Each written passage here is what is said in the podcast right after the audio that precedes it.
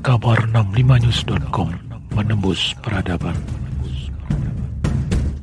Sambutan Presiden Republik Indonesia dilanjutkan dengan penekanan tombol sirine dan penandatanganan prasasti sebagai tanda peresmian Bendungan Tapin, Kalimantan Selatan. Bismillahirrahmanirrahim. Assalamualaikum warahmatullahi wabarakatuh. Selamat pagi, salam sejahtera bagi tamunya. Swastiastu, namo buddhaya, salam kebajikan.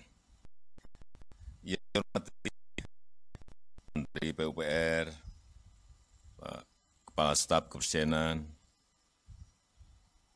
Gubernur Kalimantan Selatan, Bupati Tapin, dan pimpinan dan Komisi 5 DPR RI, Forkominda, Provinsi maupun Kabupaten yang hadir, dan undangan yang berbahagia. Alhamdulillah pada pagi hari ini di Kabupaten Tapin, Provinsi Kalimantan Selatan. Bendungan ini dibangun lima tahun yang lalu, 2015, dan telah selesai menghabiskan anggaran 986 miliar rupiah, hampir satu triliun, dan memiliki kapasitas bendungan ini, bendungan Tapin ini memiliki kapasitas 56,7 juta meter kubik air yang perannya sangat penting dalam pengendalian banjir, juga memperkuat ketahanan pangan karena bisa menyediakan irigasi untuk 5.472 hektar, dan juga menyediakan air baku 0,50 meter kubik per detik dan juga menghasilkan tenaga listrik 3,3 megawatt. Gede sekali. Tadi Pak Gub juga menyampaikan bahwa karena adanya bendungan Tapin ini, banjir di Kabupaten Tapin bisa dikurangi sangat drastis sekali. Hanya kecil sekali daerah yang terkena banjir. Karena Kabupaten Tapin memiliki bendungan ini. Pak Bupati, betul Pak? Inilah fungsi bendungan selain mengairi sawah, selain untuk menghasilkan listrik, selain untuk air baku, juga dalam rangka pengendalian banjir.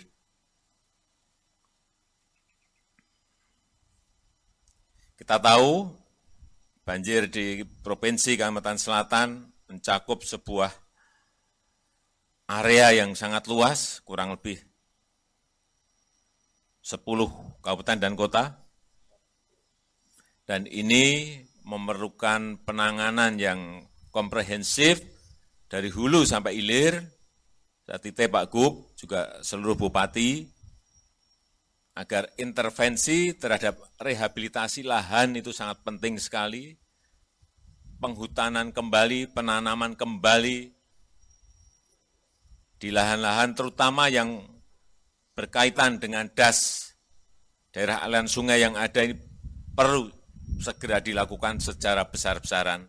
Kalau kita tidak mau lagi terkena banjir di masa-masa yang akan datang.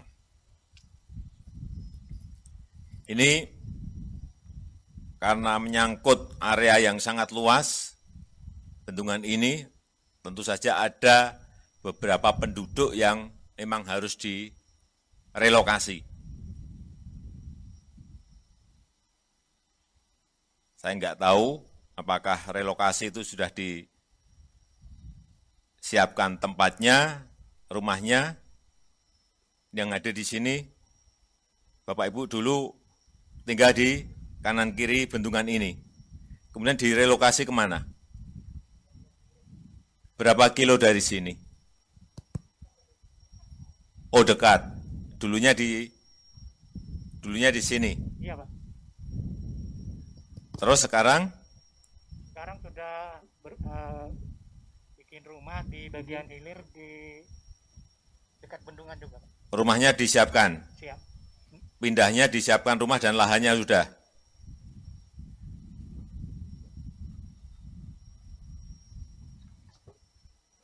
Ah, terus terang saja Pak, untuk ah, rumah kami bangun sendiri Pak. Bangun sendiri tapi anggarannya dari mana?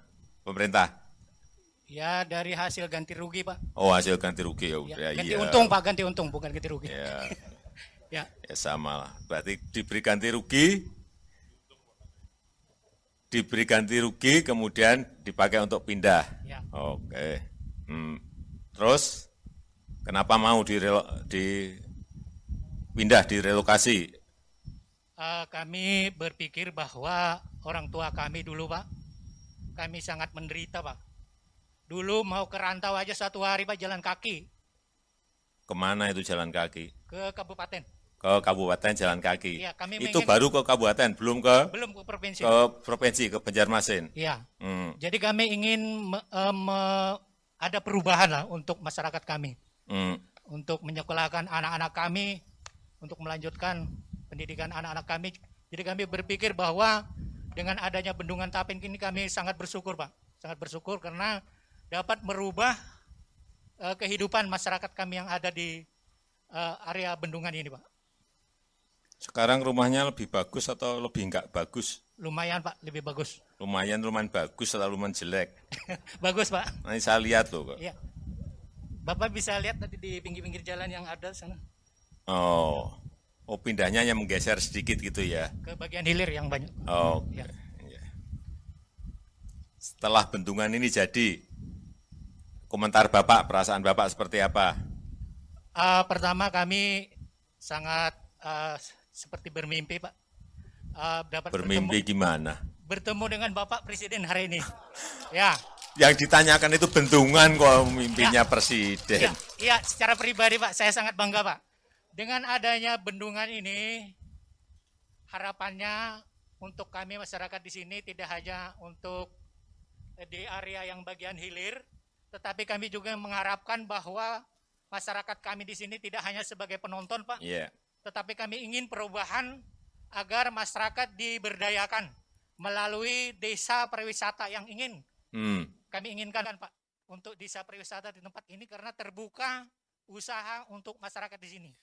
Ya, saya lupa tadi. Ini fungsi setelah melihat kondisi kondisi keindahan di sekitar waduk ini benar, Bapak betul. Ya. Jadi ini bisa menjadi objek pariwisata bukan hanya di Kabupaten Tapin tapi di Provinsi Kalimantan Selatan. Benar.